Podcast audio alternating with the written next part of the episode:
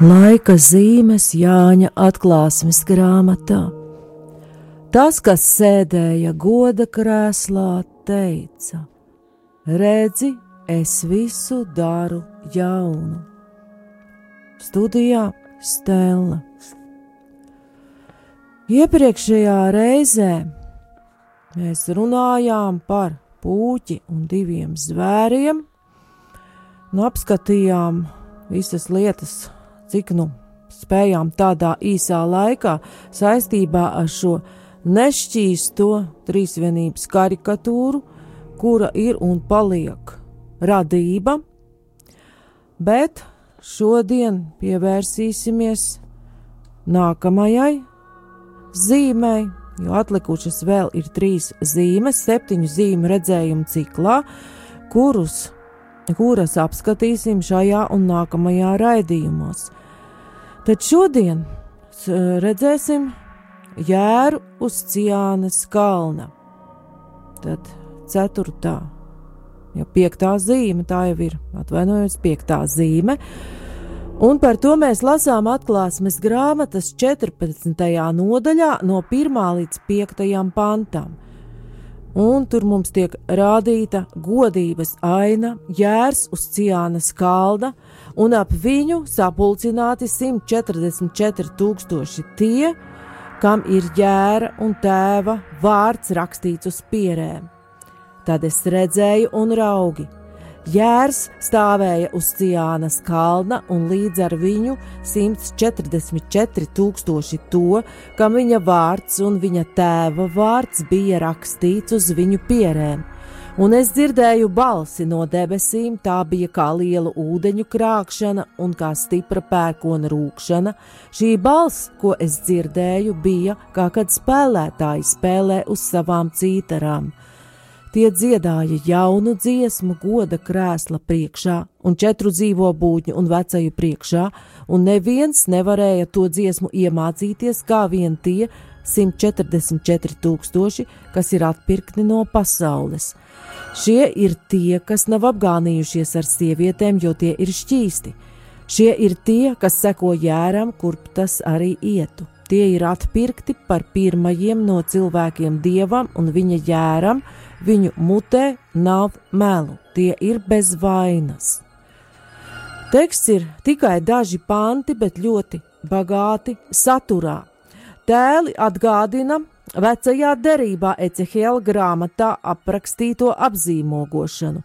Ecehela grāmata 9. pants, 9. nodaļa 3. 4. pants. Pa to laiku Izrēla dieva godība bija pacēlusies no ķeruba ratiem, uz kuriem tā atradās, un nostājusies pie dieva nama sliekšņa. Tur tā uzsauca tam vīram, kas bija tērpies linu audeklā un kam pie jostas bija rakstāmierīgas šos vārdus – Ej pa pilsētu, pa Jeruzalemi, šķērso to un uzvelc uz pieres zīmi visiem tiem vīriem, kas sūdzas un skumst par visām negantībām, kādas notiek pilsētā. Kaut tur ir runa par Jeruzalemi, tā tikpat labi var būt jebkura cita pilsēta - Rīga, Berlīne, Maskava vai vēl kāda cita, un arī šodien tomēr ir vīri un sievas, kas sūdzas un skumst par labklājības civilizācijas degradāciju, un viņi ir arī redzami. Viņi tiek turēti par dīvainiem, nenormāliem, ne tādiem kā citi. Viņi izsaka savu viedokli, aizstāv dieva likumu un cenšas dzīvot atšķirīgi, pieņemot dieva dotos dzīves noteikumus. Ir tādi, kas saliek mūža svētsolījumus, citi dzīvo laulībā ar vienu cilvēku visu mūžu, vēl kādi citi nezog, neaplaupa tuvāko, pat ja to viegli var izdarīt ar likuma palīdzību. Līdzīgi par apzīmogošanu ir sacīts jau atklāsmes grāmatas 7. nodaļā, 2. līdz 4. pantā, kas veido paralēlu struktūru ar šodien lasāmo tekstu. Un to jau mēs lasījām un es redzēju citu eņģeli uzkāpjam no saules slēgta puses. Viņš turēja dzīvā dieva zīmogu, viņš sauca skaņā balsī četriem eņģeļiem, kam bija dots maitāt zemi un jūru. Nesamaitājiet ne zemi, ne jūru, ne kokus, kamēr mēs apzīmogosim mūsu dieva kalpus uz viņu pierēm. Un septītajā nodaļā jau ir pirmo reizi minēts šis skaits - 144 tūkstoši bija apzīmogoti no visām Izraēla bērnu ciltīm. Bet šodienas teksts to paskaidro plašāk, un kas ir atklāsmes grāmatai visai raksturīgi. Tēli un to simboliskā nozīme tiek atklāti pakāpeniski. Šie tumsas un gaismas uzplūdi kļūst arvien pamanāmāki un skaidrāki. Šis skaitlis 144 tūkstoši bieži vies neizpratni, pat līdz tādam absurdam, ka izglābti būs tikai reāli šis skaitlis 144 tūkstoši. Bet tad rodas jautājums, vai tad dieva dēla upuris ir tik nevērtīgs un nespējīgs, vai tad viena Jēzus asiņu lāse nespēja glābt visu radību no laika iesākuma līdz tā beigām?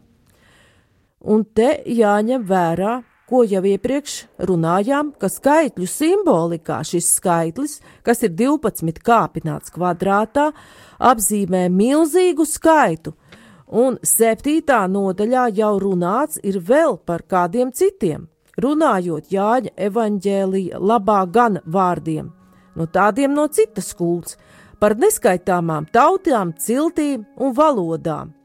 Bet kas tad ir tie 144 tūkstoši, kuri ar jēru stāv uz Cijānas kalna? Bībeles pētnieks Raits pievērš uzmanību atklāsmes grāmatas 12. nodaļas 17. pantam, un caur to viņš atver šo 144 tūkstošu izradzēto skaidrojumu. Un kas tad ir tajā 17. pantā? Tad puķis sadusmojās par sievu un gāja karot ar pārējiem viņas cilts locekļiem, kas turēja dieva baušļus un apliecināja Jēzu. Te redzam, ka starp puķa un viņa darba grupas, par kuru runājam iepriekš, sekotājiem un sievas cilts locekļiem ir izcēlies karš. Tātad katrā pusē ir kareivji, kas karo, un tā ir garīgā cīņa.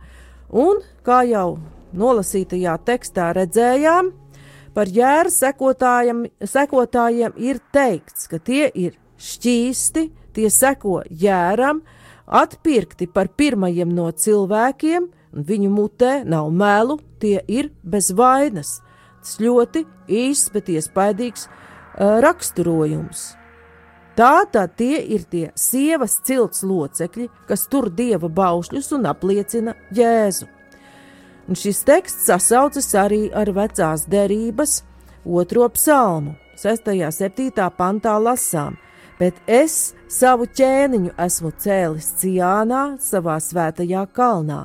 Es darīšu zināmu dieva spriedumu. Viņš uz mani sacīja: Mans dēls, tu esi, es šodien tevi esmu dzemdinājis. Tātad atklāsmes grāmatā redzam šīs psalmista vīzijas piepildījumu. Jērs ir šis ķēniņš, un minētie 144 tūkstoši viņa kareivji, un Ciānas kalns vecajā derībā ir glābšanās un drošības vieta. Tātad Kristus un viņa kareivji, neskatoties uz to, kas notiek apkārt, ir drošībā, un Kristus, kā upuri jērs, šo drošību un glābšanu ir panācis Golgātas kalnā. Kāpēc ir pieminēta šī šķīstība? Atkal jau varam atskatīties uz veco derību, kur ir runāts par šķīstību karavīru nometnē. Tad priesteris atbildēja Dāvidam: Man nav šie pie rokas ikdienišķās maizes, bet gan tikai svētās maizes, ja vien puiši ir atturējušies no sievām. Tad Dāvids atbildēja priesterim: Tiešām, sievas mums jau trīs un pat vairākas dienas nav bijušas pieejamas, kopš esam ceļā un šo puišu miesas bija šķīstas un lietas bija svētas. Arī šoreiz kaut tas ir parasts gājiens. Bet cik daudz vairāk tas izcelsies šodien, kad tas tiks svētīts ar šo svētumu? Tā ir 1. samuēla grāmata, 21. nodaļa, 4. līdz 5. pants.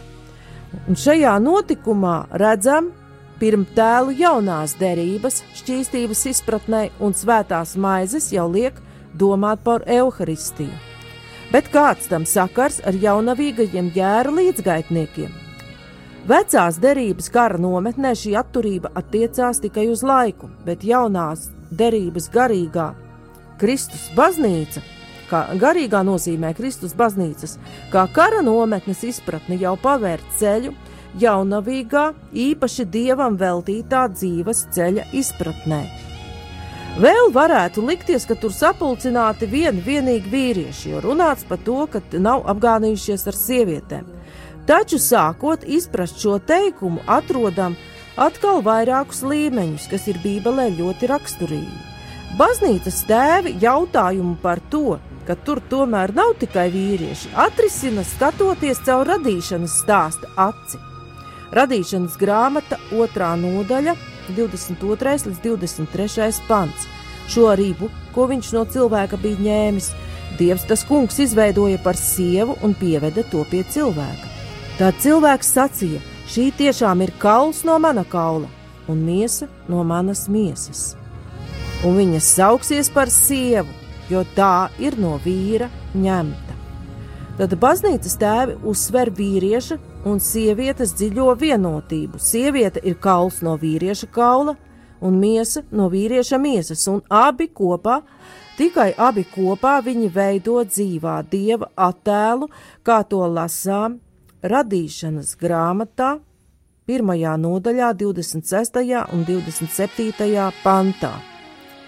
Kad Dievs radīja cilvēku pēc sava tēla, pēc dieva tēla viņš to radīja, vīrieti un sievieti viņš radīja. Un tā laika izpratnē šādā gadījumā autoram nebija vajadzības īpaši izdalīt sievietes atsevišķi. Tā ir viena monolīta cilvēku kopa, kurā ir gan vīrieši, gan sievietes, kuri seko Jēzum, lai kur viņš ietu. Bet kāpēc tomēr ir šai runa par apgānīšanos ar sievietēm? Pirmkārt, te var atrast norādi uz pagānu elku kultiem, kuru būtiska sastāvdaļa bija tā sauktā sakrālā prostitūcija, kur seksa pakalpojumus sniedza priestarienes sievietes. Un garīgā nozīmē ar to jāsaprot jebkāda neusticība dievam, ka viņa vietā tiek pielūgts kas cits, vai tā būtu nauda, vara, labklājība, tā var būt arī seksuāla izlaidība. Tātad jēra sekotāji nav šiem kārdinājumiem padevušies. Ja atceramies vecās derības laikā pastāvošos noteikumus par šķīstību kara nometnē un uzlūkojam 144 tūkstošus apzīmogotos kā jēra karavīrus, varam tos izprast arī kā konsekrēto dievam veltīto cilvēku kārtu, kurā ir gan vīrieši, gan sievietes, un par ko Mateja evaņģēlijā Jēzus saka, jo ir bezdzimuma cilvēki, kas tādi no mātes miesām, un ir bezdzimuma cilvēki, ko citi padarījuši par tādiem, un ir bezdzimuma cilvēki, kas paši sevi padarījuši par tādiem debesu valstības dēļ. Kas to spēj saprast, lai saprot? Mateja evaņģēlijas 19. nodaļa, 12. pants. Viņi īpašā veidā ir pieņēmuši aicinājumu sekot jēram, lai kur tas ietu, un pēdējā laika notikumi liecina, ka arī mūsdienās sekošana jēram var beigties ar dzīvības zaudēšanu, kā tas notika ar mātes Terēzes dibinātās kongregācijas māsām Jemenā.